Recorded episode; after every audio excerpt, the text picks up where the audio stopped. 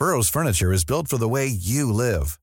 From ensuring easy assembly and disassembly to honoring highly requested new colors for their award-winning seating, they always have their customers in mind. Their modular seating is made out of durable materials to last and grow with you. And with Burrow, you always get fast, free shipping. Get up to 60% off during Burrow's Memorial Day sale at burrow.com slash ACAST. That's burrow.com slash ACAST.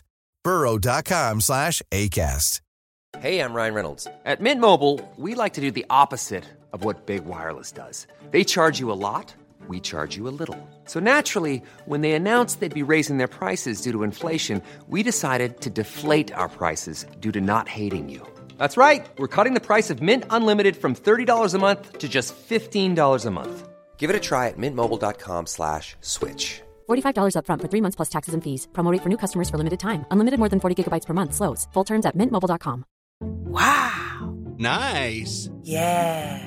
What you're hearing are the sounds of people everywhere putting on Bombas socks, underwear, and t-shirts made from absurdly soft materials that feel like plush clouds. Yeah, that plush. And the best part? For every item you purchase, Bombas donates another to someone facing homelessness. Bombas. Big comfort for everyone. Go to bombas.com slash ACAST and use code ACAST for 20% off your first purchase. That's bombas.com slash ACAST. Code ACAST.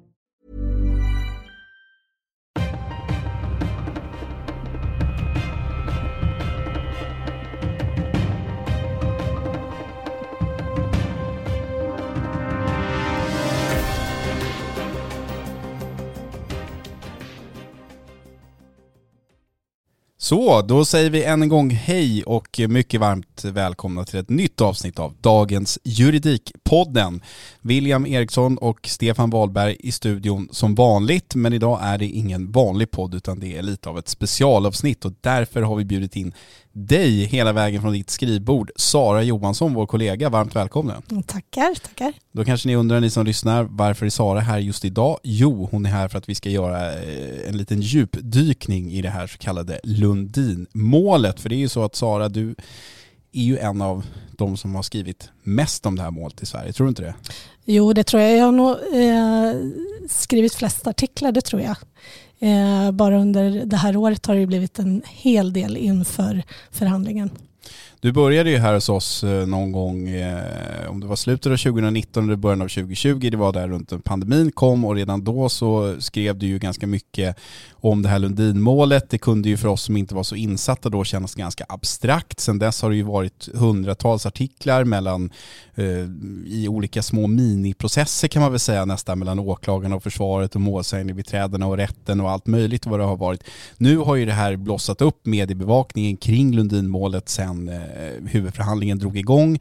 Men om du ska ge den som lyssnar lite bakgrund, liksom, när, när startade själva Lundinprocessen inom rättsväsendet så att säga? När, när började du skriva om det här? När började du följa om?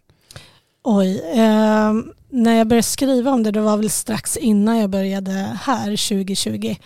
Eh, men det hade ju pågått då eh, betydligt längre förundersökningen då. Då hade det ju pågått sedan 2010 inledde åklagaren en förundersökning. Eh, och det var ju efter en eh, rapport som eh, kom 2000, ja, när var det? Det var väl kanske 2009 så kom det en rapport ifrån ECOS. Ekos, European Coalition on Oil in Sudan. Heter det. Och det var då svenska åklagare reagerade på den här rapporten och eh, startade en förundersökning. Om man säger så här då, det, det, här har ju diskuterats i olika medier. Jag såg till och med att det här ganska roliga nyhetsprogrammet, eh, Svenska nyheter med Messiah Hallberg som går på fredagar, hade ett ganska långt sjok om vad handlar den här Lundin-rättegången om egentligen. Men om du ska ge våra lyssnare då kärnan i den här processen, du som ändå var där under första eh, huvudförhandlingsdagen och som sagt har följt det här målet i flera år. Vad, vad är det som är knäckfrågan om man bara ska ge den som lyssnar ett enkelt svar på den komplicerade frågan? Mm. Ja, eh, Ian Lundin eh, var ordförande då mellan 99 och 2003 och Alexander Schneider var ansvarig för prospekteringsverksamheten eh, i Sudan eh, där Lundinbolaget skulle utvinna olja.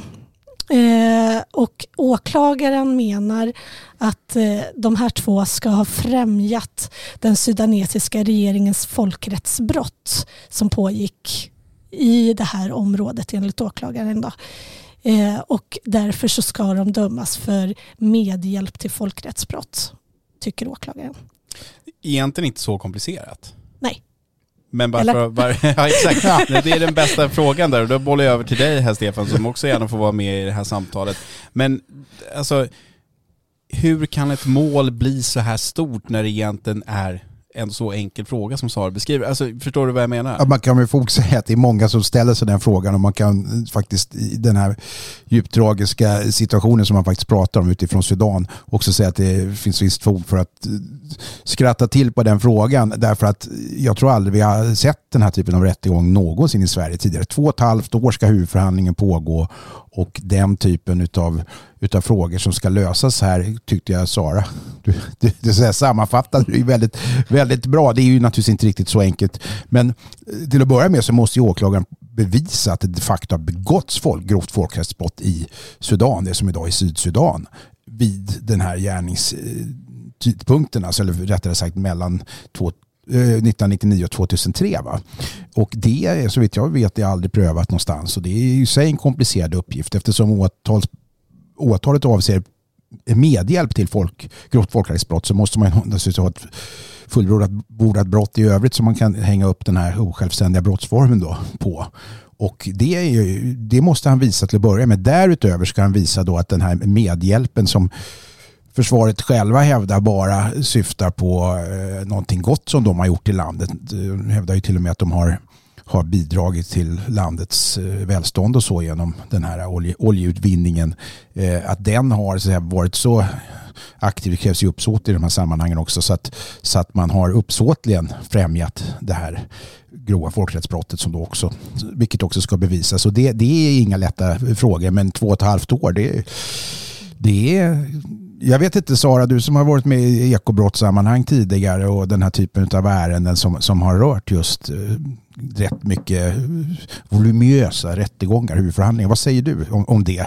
Har du någonsin sett någon huvudförhandling som har varit ens i närheten av två och ett halvt år om jag uttrycker mig så? Då? Nej, aldrig. Det här är ju, och, eh, om man Eh, eh målsägandebiträdena eh, väckte ju också en oro kring det här. De var ju bara två stycken från början eh, och har över 30 målsäganden i det här målet. Eh, och de uttryckte ju oron att det finns ju faktiskt möjlighet eller risk att eh, någon av oss blir sjuk. Va, vad händer då? då? Då måste man ju skjuta på det här ännu mer. Och de här målsägarna, de är ju inte purunga precis. En del är ju även sjuka och som sagt väldigt gamla så det går inte att skjuta upp den här eh, förhandlingen mycket mer. Jag tänkte Sara, innan vi går in mer på liksom vad som har hänt under alla de här åren, skulle du på något sätt kunna teckna en, någon bild av de här två, Ian Lundin och Alexander Schneider, av det du, baserat på det du liksom har läst i olika handlingar. Det, det kan ju ibland kännas som att det är lätt att det blir så här mytomspunna figurer bara som, som aldrig uttalar sig i media om det här och man ser dem bara på, på bilderna i dina artiklar och sådär. Va, vad är det här för herrar egentligen? Oj, bra fråga. Eh, de har ju inte uttalat sig heller som du säger i media. Ian Lundin uttalade sig nu. Media fick en minut, ganska precis en minut innan han klev in i rättssalen där han eh, uttryckte att eh, vi är oskyldiga, vi har inte gjort någonting. Eh, det rådde, det har alltid rått eh, stridigheter i det här området men vi har inte haft någonting med det här att göra. Eh, så eh, någon mer bild av dem har jag faktiskt inte haft eller fått. Eh, jag har mer haft kontakt med försvaret och eh, med eh, åklagarna. Men jag vet ju att försvaret har ju pekat på att de har ju suttit i någon form av förundersökningsfängelse. Det här har ju pågått i 13 år där de har varit misstänkta. Och det har ju såklart påverkat dem. Det skulle det väl ha gjort vem den hade varit såklart. Det är väl så att man kan säga att det är ostridigt mellan åklagaren och försvaret att det de facto har förevarit någon form av eh, alltså, överenskommelse med den sudanesiska staten om beskydd för att överhuvudtaget kunna arbeta med den här eh, kommersiella exploateringen i landet. Men inte att, sky att, att skyddet i sig då inte är konstigare än om att man, man har rätt att få skydd av även den svenska polisen, låt säga, eller statsmakterna om man bedriver verksamhet i Sverige. Så långt är det liksom ostridigt. Det som är det som är, är, är, konflikten här är ju huruvida de då uppsåtligen har medverkat till att begå hemskheter som den sudanesiska regimen faktiskt har begått. Va? Eller, eller Försvaret menar ju att eh, Ian Lundin och Alexander Schneider eh, kände inte till vad som pågick. Eh, de, var, de visste så var det ett fredsavtal som hade skrivits under precis innan de kom in i landet. Eh, och eh, det här, de hade ingen anledning att tro att någon skulle bryta mot det. Ja, just det, men de, var, ja. de, de, hade ett, att, ett beskydd från staten, så att säga, försäkringar om att de kunde verka i landet, om jag har förstått saken korrekt, men inte att det beskyddet skulle då bestå i den typen av övergrepp som, nej, nej, som åklagarna gör gällande. Nej, nej. Precis. Det är ju grova anklagelser det här, naturligtvis medhjälp till folkrättsbrott. Under den här långa processen, vet du om det har varit andra misstankar på bordet eller har det så att säga alltid rört sig om, om frågan om medhjälp till grovt folkrättsbrott eller folkrättsbrott? Eh, ja, alltså de var ju även misstänkta för eh, övergrepp i rättssak. Eh, där eh, målsäganden ska ha hotats för att inte uttala sig och så vidare. Men de här brottsmisstankarna lades ner. Det fanns inga bevis för det här. Och då, påst, då påstås alltså övergrepp rättssak, de påstås ha hotat på något sätt då i Sudan eller de här målsägandena? Ja, så måste det ju vara. Det, någon form av liksom handlingar och sånt har jag ju inte tagit del av för det ledde ju aldrig till åtal här. Men ja. Okej. Eh, under den här evighetslånga förundersökningen då, om du ska plocka ut några så att säga, milstolpar eller viktiga punkter som kan vara värda att nämna och bra att ha med sig, vad är det du har bevakat? Ja, herregud, det har varit jättemycket. Det har varit eh, mycket skriftväxling i, i tingsrätten och det har varit en hel del beslut också. Eh, det, Alexander Schneider försökte ju stoppa eh, åtalet mot honom. Eh, han gick ända upp till HD eh, med det här. Eh, menade att han eh, att svensk domstol saknade behörighet att eh, eh pröva eh, det här brottet mot honom. Då. Eller att han ska ha begått något brott då han är medborgare i Schweiz. Han bor i Genève Eh, och eh, huvudbrotten har begåtts i Sudan och han har inte vistats än i, eh, ens i Sverige. Och innan dess så försökte ju även försvaret att stoppa förundersökningen eftersom den pågick så pass länge innan det blev åtal. De väntade ju på att åtal skulle väckas ganska länge. Och mm, även här så gick de ändå upp till HD och menade att det här var brott mot eh, mänskliga rättigheter. Eh, och på grund av den här långsamma handläggningen som var. Eh, så det har varit en hel del eh, beslut i domstolen. Och under tiden Alexander Schneider eh, tog den här frågan upp till HD då låg även målet vilande i, i eh, domstolen. Så där har ju förhandlingarna fly, flyttats fram på grund av det också. Får jag fråga dig Sara, mm. Okej, okay, vi vet att det är ett voluminöst, extremt stort material som ligger till grund för det här. Och för övrigt att det är en komplicerad fråga där man har bedrivit förundersökning eh, på annan kontinent och så vidare. Men det är inte det första och enda fallet där man faktiskt utreder den här typen av brott utanför Sveriges gränser och även nere i, i, i, i länder som Sudan till exempel och, och, som du, du själv var inne på här inledningsvis, att där du så föredömligt så att säga, sammanfattade vad, vad, vad tvistefrågorna i det här handlade om. Vad är det som gör att just den här om, omfattningen har dykt upp i just det här fallet? Kan man säga någonting om det? Jag förstår att det är många förhör hållda, jag förstår att det, att det tar tid, men 13 år under en förundersökning och så mycket som är framlagt som processmaterial att det ska avhandlas på två och ett halvt år i en huvudförhandling. Vad är det som gör att det är så extremt svårt? Eller stort menar jag, förlåt mig. Ja, oj. Um dels så är det väl att det är väldigt många, det är väldigt många vittnen och väldigt många, många målsäganden som ska höras och har hörts redan. Eh, det här har ju inte ens skett på engelska utan det här är ju eh, på nuer vad jag har förstått. Och det här ska ju översättas och så vidare. Och, eh, det har inte varit lätt att ehm, eh, få till de här mötena vad jag förstått också. Det har ju varit under den här covidperioden en del av eh, förundersökningen också.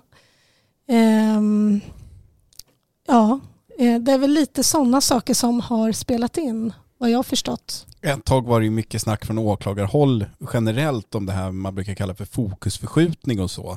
Har det varit kritik från åklagarhåll eh, riktat mot eh, Schneiters och Lundins advokater, exempelvis det här då att han ville driva frågan till HD och fick målet vilande. Har det kommit någon sån kritik att så här, ni försöker bara vinna tid eller ni försöker få det här avslutat eller något sånt? För preskriberat kommer det ju aldrig bli med tanke på att det är så grovt brott. Så att... mm. wow ska jag försöka minnas det. Eh,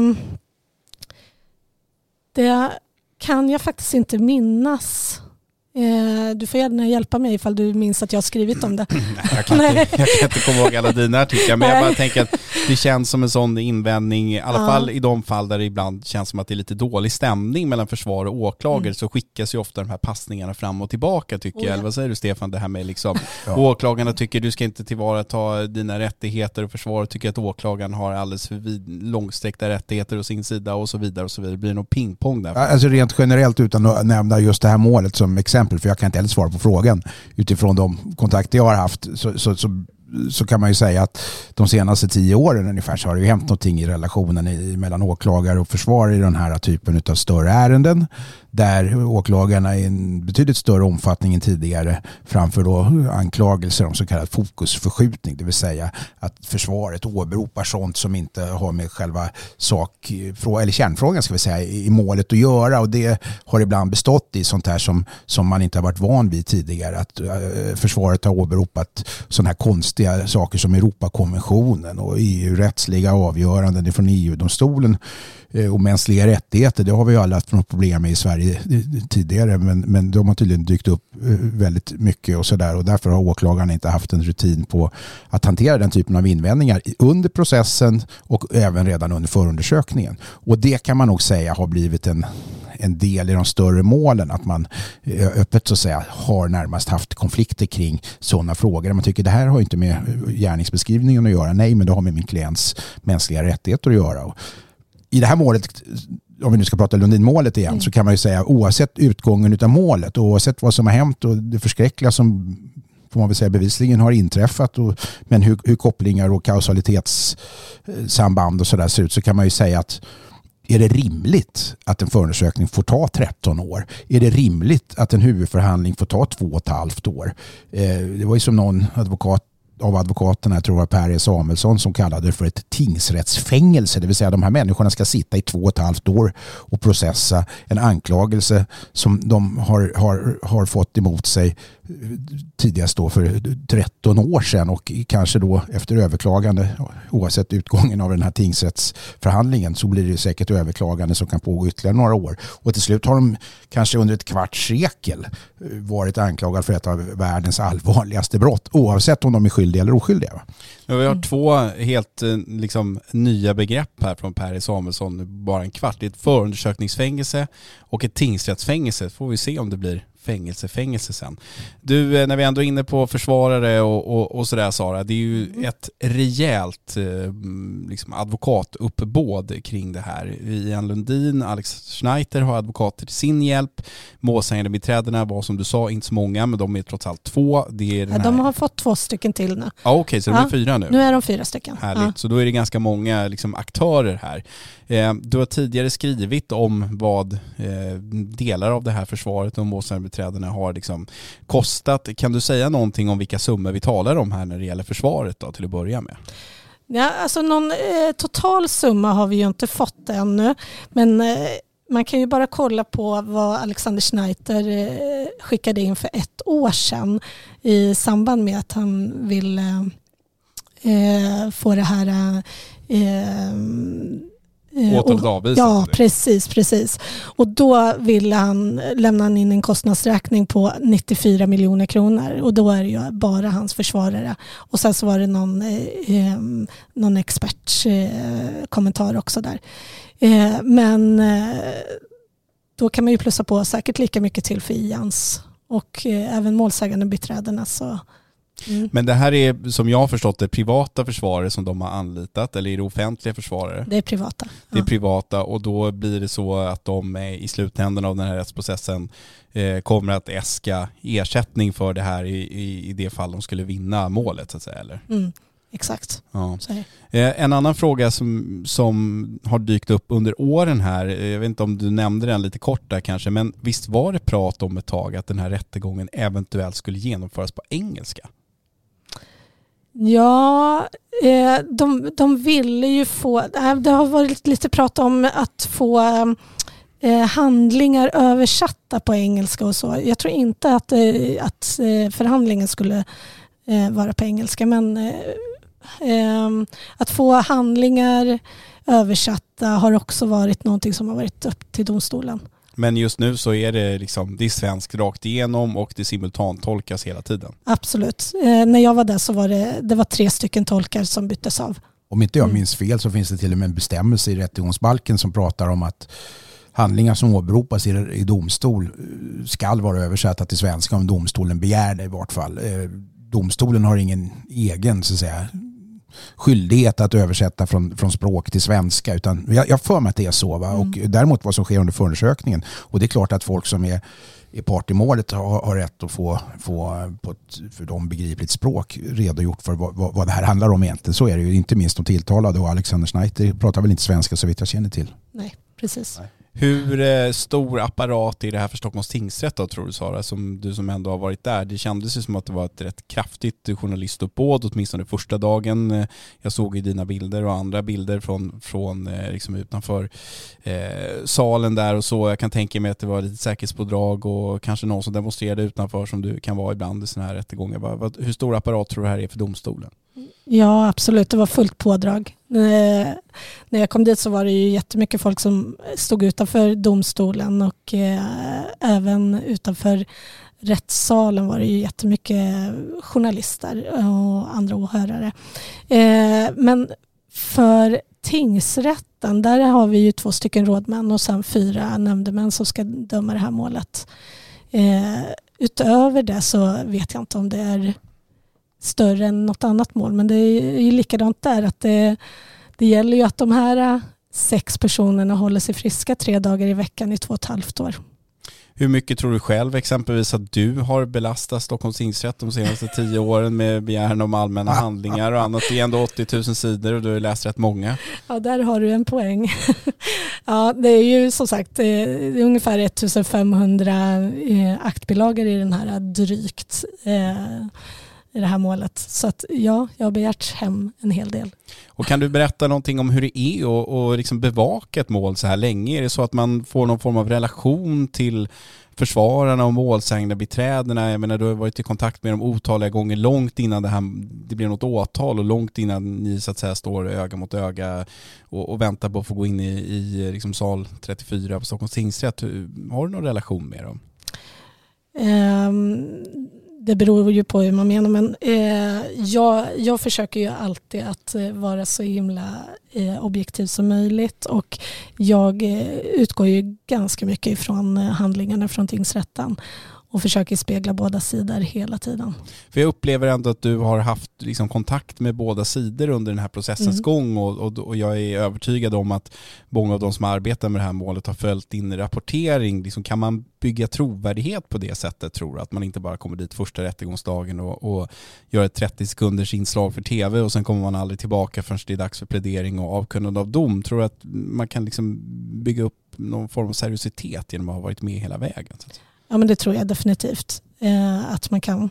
Eh, och det är ju väldigt många under de här åren så har jag ju fått en hel del mejl, inte bara från parter i det här målet utan även utanför som är väldigt eh, intresserade och engagerade i det här målet. Eh, som eh, upplever att det är väldigt viktigt att följa det. Om man ska avkräva dig någon form av profetia då, vi är ganska tidigt in, det är väl när vi spelar in det här som, som eh, kommer att publiceras om någon vecka så, så tror jag att vi skriver dag fem i den här rättsprocessen av typ eh, 200. Eh, vad tror du? Oj, William, jag tycker inte om att svara på de här frågorna. Nej men nu måste du. måste jag verkligen det? Ja, annars Eh, kommer vi aldrig gå ut härifrån. Jag har 15 minuters inspelningstid, eller 15 timmar kvar på minneskortet så jag kan sitta länge. Så, säg 50-50. Precis. Eh, Har försvaret några invändningar? Har de liksom, känns det som att de har en plan för hur de ska lägga upp sitt försvar eller är det bara bråka som gäller? Liksom? nej, men jag tycker ju att eh, både försvaret och åklagarna har ju eh, de har ju bra poänger. Eh, men eh, jag tror ju så här att det här kommer ju inte stanna i tingsrätten. Det här kommer ju gå upp eh, i högre instanser. Härligt. En gissning som, den gav inte ens pengarna tillbaka sa jag. Alltså det är, det är normalt är det, är det oerhört vanskligt att, att försöka säga om utgången i mål. Det vet vi alla som har suttit med det här och vi, vi ibland har haft uppfattningar internt på redaktionen som, som inte alls har blivit si eller så. Och sen kanske det har uppfyllts i en högre instans. Så har det skett många gånger. Att tingsrätten dömer på ett sätt och sen kommer hovrätten till något annat slut och sådär. Men i det här fallet, jag tror att man utan att förivra sig eller överdriva kan säga att rent objektivt så är sannolikheten för att åklagaren ska lyckas inte lika hög som det genomsnitt som svenska åklagare normalt har, nämligen ungefär 90 procent. Så, så kan man nog säga utan att, utan att förivra sig. Och, Och då gissar jag att du tänker på här att det kommer vara svårt att bevisa alltså själva folkmordet som sådant och deras inblandning. Alltså, eller vad är det du tänker på? ja, folkrättsbrott är det nu inte Ja. folkmord om om man nu ska vara krass. Ja. Men, men, men eh, jag tror att det är både rätts och bevisfrågor. Alltså det diskuteras ju sånt här som att man i till exempel vid ICC, alltså internationella brottmålsdomstolen, inte i den här typen av brott använder sig av den uppsåtsskala som sve- svenska eh, rättssystemet innehåller. Det vill säga det finns inget normalt likgiltighetsuppsåt. Det som på min tid heter eventuellt uppsåt eller dolus eventualis. Det har man inte i, vid prövning i internationella tribunaler kring de här brotten. Och då så vitt jag har förstått har det gjorts gällande och det är ju en jättenördig fråga men den är ju helt avgörande. Det kan vara helt avgörande i ett sånt här mål.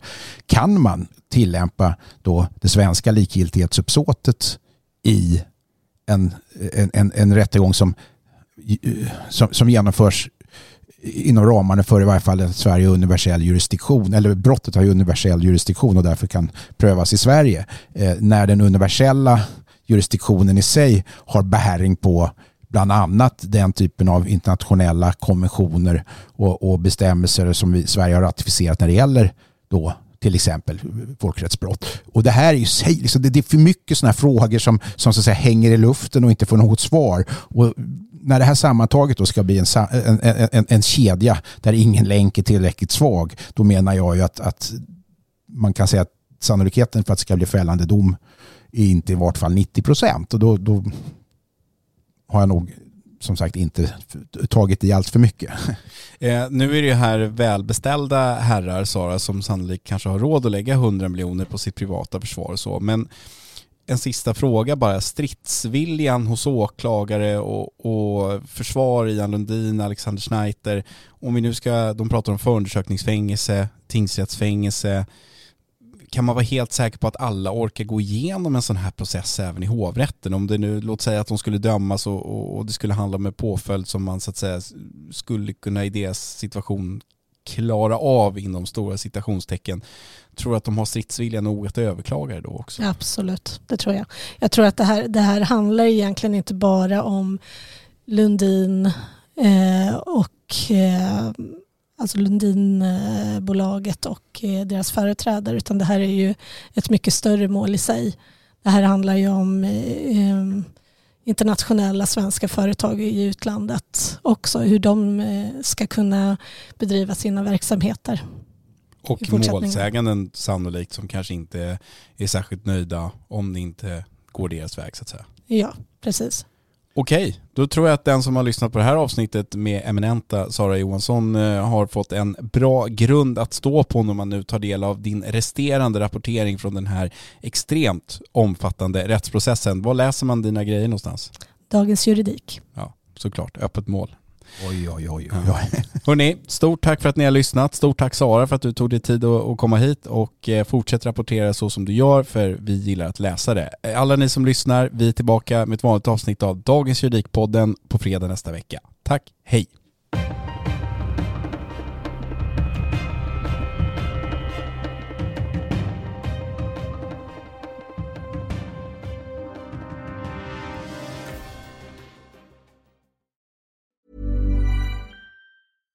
Selling a little or a lot?